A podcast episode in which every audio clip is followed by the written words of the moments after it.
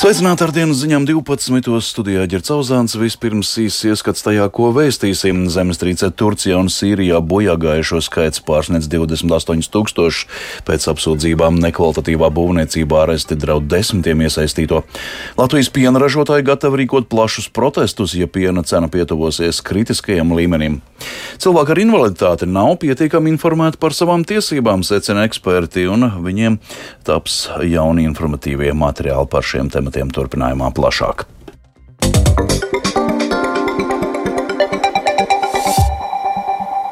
Bojāgājušo skaits zemestrīcē Turcijā un Sīrijā pārsniedzis 28,000 cilvēku. Glābšanas darbi turpinās un joprojām ik pa laikam atrod arī dzīvus cilvēkus.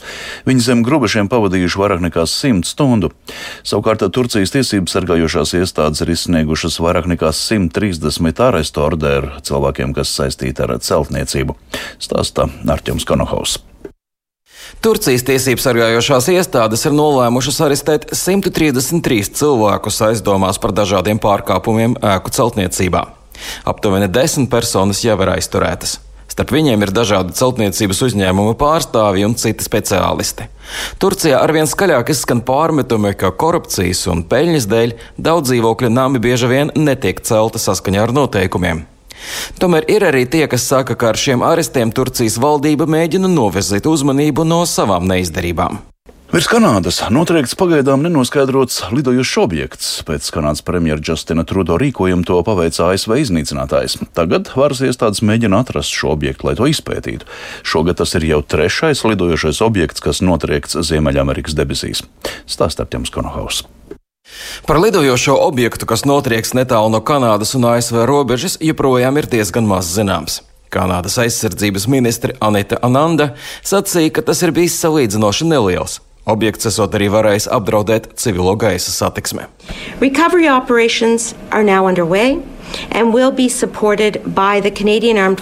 Šobrīd notiek objekta atgūšanas operācija, ko veids Kanādas armija kopā ar policiju. Šī saskaņota operācija ļaus veikt turpmāko objekta izpēti.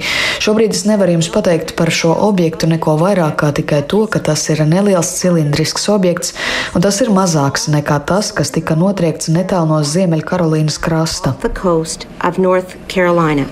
Anandas pieminētais Ziemeļkarolīnas objekts ir tā dēvētais Ķīnas spiegu balons, kas februāra sākumā šķērsoja ASV kontinentālo daļu. Pekina apgalvo, ka balons ir veicis laika apstākļu izpēti. Savukārt ASV varas pārstāvi ir pārliecināti, ka šādi Ķīna ir nodarbojusies ar izspiegošanu, izmantojot modernākās tehnoloģijas. Kanādas aizsardzības ministra pagaidām atturas minēt šī notriektā objekta iespējamo izcelsmes vietu. Šobrīd mēs turpinām analizēt šo objektu, un mēs gribam pārliecināties, ka tiek veikta pamatīga analīze. Tādēļ man šobrīd nebūtu apdomīgi spekulēt par šī objekta izcelsmi. Time. Savukārt Baltais nams vēsta, ka objekts ir ticis novērots pēdējo 24 stundu laikā. Vispirms tas tika pamanīts virs Aļaskas, bet sestdien tas šķērsoja Kanādas robežu. Gan ASV prezidents Joe Bidenis, gan Kanādas premjerministrs Justins Trudeau paziņoja, ka ir vienas prātes par to, cik svarīgi ir pēc iespējas ātrāk atrast šo objektu. Atgādināsim, ka šogad tas jau ir trešais notriektais objekts Ziemeļamerikas gaisa telpā. Papildus šim un Ziemeļkarolīnas gadījumam, februārī tika notriekts vēl viens objekts virs Aļaskas. Tas esot lidojis lielā augstumā un ir bijis nelielas automašīnas izmērā. Par šo objektu nav daudz publiskas informācijas. Nedēļas vidū ASV vadība paziņoja, ka spiegošanas baloni ir daļa no Ķīnas jaunās taktikas un ka tāda varētu lidot virs pieciem kontinentiem. Arī NATO amatpersonas ir paudušas satraukumu par situācijas attīstību. Arčuns Kanahos Latvijas Rādio Briselē.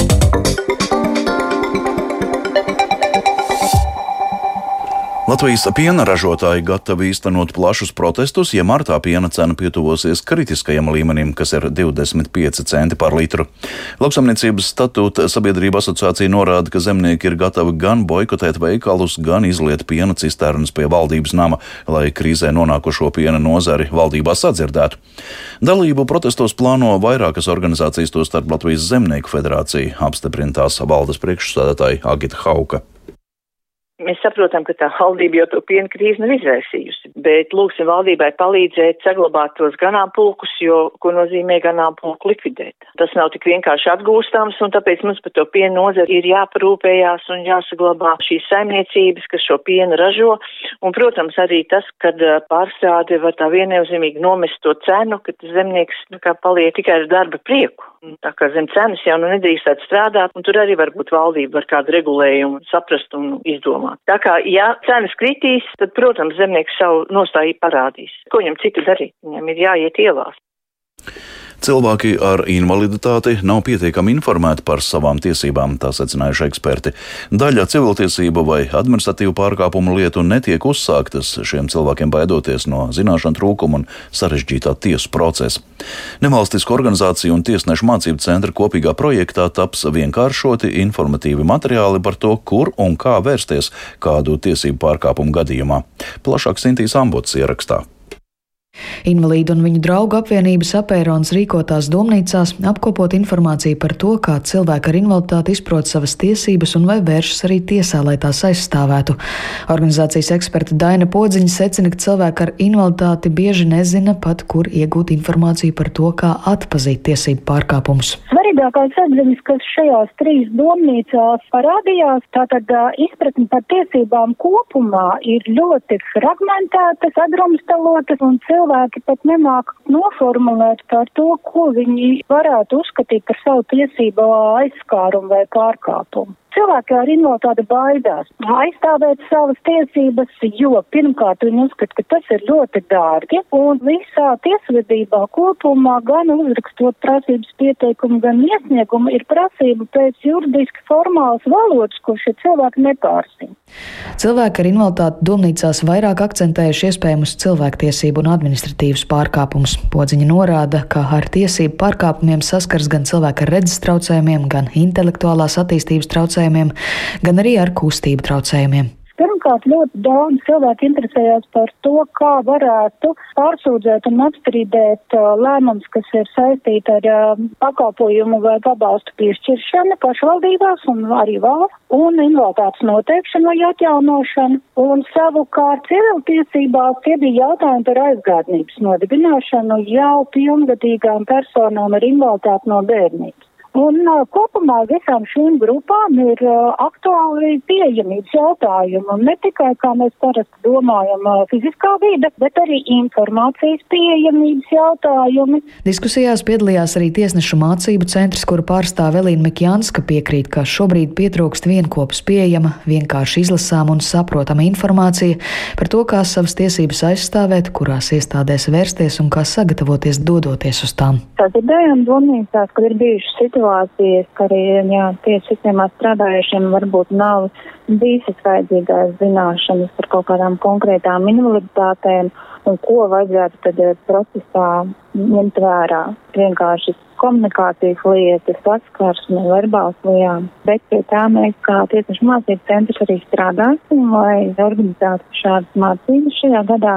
izvērtējot gan šie domnīcā iegūto informāciju, pēc tam mēs arī no savas puses veiksim tādu apjomīgāku pētījumu par to, kādas zināšanas arī tiesu sistēmā strādājošiem. Projektā Universālais dizains cilvēktiesību ievērošanā tuvāko divu gadu laikā plānots izveidot informatīvus materiālus personu ar invaliditāti nevalstiskajām organizācijām, kā arī plānots veidot vadlīnijas tiesu darbiniekiem par to, kā labāk nodrošināt tiesu pieejamību arī personām ar invaliditāti. Sinti Ambote, Latvijas radio.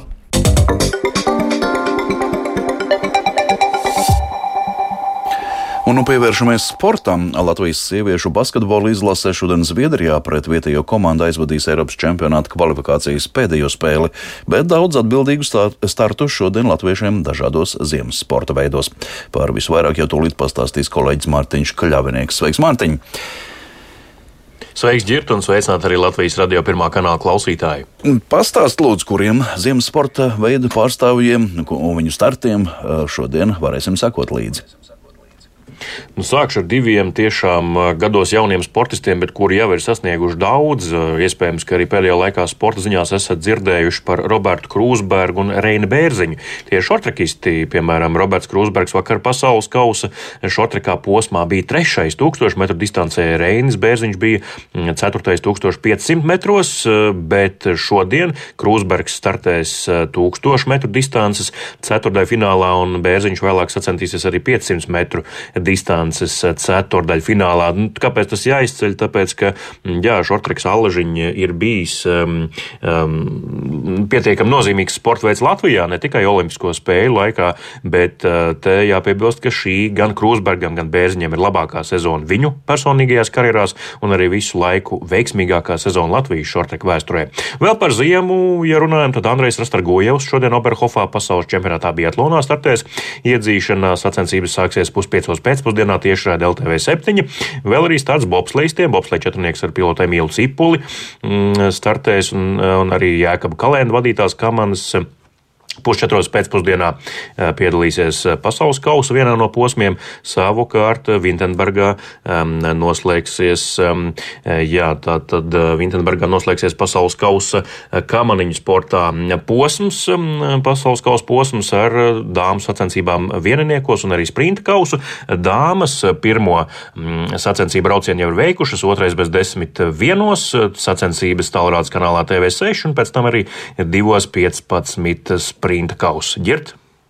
Jā, sieviešu basketbola izlase jau šorīt iemēģinājusi Stokholmas arēnas grozus, kad viņām gaidāms mačs un cik svarīgs tas būs.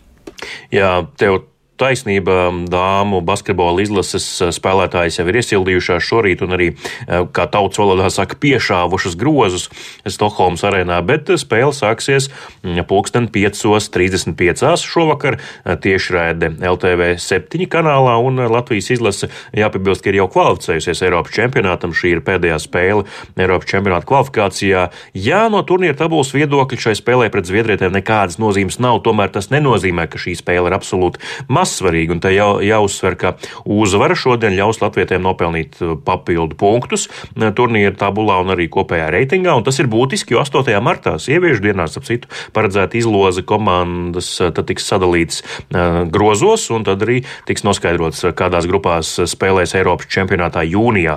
13 kandidāšu vidū treneri iekļāvuši četras Latvijas klubu spēlētājas, trīs ir no Rīgas TTT, viena no Rīgas Stradiņu universitātes komandas. TTT Rīga galvenais treneris Mārtiņš Gulbis uzskata, ka spēlētājām no Latvijas klubiem ir grūti iekļauties izlasē tieši šobrīd, ja neviens Latvijas klubs nestartē Eirolīgā, kāda situācija arī šajā brīdī ir. Vietējais Baltijas čempionāts un Eiropas līgas turnīrs nedodot pietiekam lielu rūdījumu. Vairāk stāsta Mārtiņš Gulbis. Ja, nu vajag Eirolandu ja noteikti, vajag Eirolīgu, TTT klubam ir jābūt tur un ir jāspēlē tās augsta līmeņa spēles, lai tu zinātu, kā, kā reaģēt tādās situācijās. Bet ar vienu TTT Rīgu Eirolandā pietiek, ja nu. Jā, ja tev ir tāds, es teiktu, ka tev kodols tāds pats, kā bija mūsu pagājušajā sezonā, kad ir tas ir perfekts modelis. Piecas Latvijas, divas jaunās spēlētājas tiek integrētas, jo nu, tur ir citi ķermeņi, tur ir cita ātrumi, tur ir uh, cita tāda lēmuma pieņemšana citā ātrumā jāpieņem. Un, ja tu ikdienā to nesaskaries, eh, tad tu atbraucot uz izlases spēli, tev paiet puslaiks, kamēr tu saproti, kas notiek. Mārtiņ, vai vēl kas Jā, aktuāls? Tātad, uh Jā, tā tad jāpiebilst to tikai jāatgādina, ka 5 pār pus 6 vakarā Latvija pret Zviedriju sieviešu basketbolu, sieviešu izlašu maču basketbolā, un tad tieši redz LTV 7 kanālā. Nu, un tepat Latvijas radio viens plašāk saruna ar Mārtiņu Gulbi arī jau pēc vieniem dienām sporta raidījumā piespēle. Jā, paldies Mārtiņš Kļavinieks par aktuālo sportā, bet par aktuālo mūzikā piebildīšu, ka Eirovīzijas dziesmu konkursā, kas šogad notiks Lielbritānijā, Latviju pārstāvēs grupa Sadonlaits ar dziesmu Aijā, un tas noskaidrojas vakar vakarā atlases finālā. Izskan dienas ziņas 12. tās producēja Edgars Kopčs, par labskaņu rūpējās Renārs Štēmans un Mārtiņš Paeglis studijā Ģercauzāns. Yeah. Kā ziņo Latvijas vidus geoloģijas un meteoroloģijas centrs, Rīgā 1 grāds, rietumvējš 4 m2, atmosfēras spiediens 776 mm un gaisa mitrums 75%. Diena Latvijā daļai mākoņaina, pārsvarā bez nokrišņiem, vien vēlā pēcpusdienā vietām austrumos iespējami nokrišņi - minus 1, plus 4 grādi.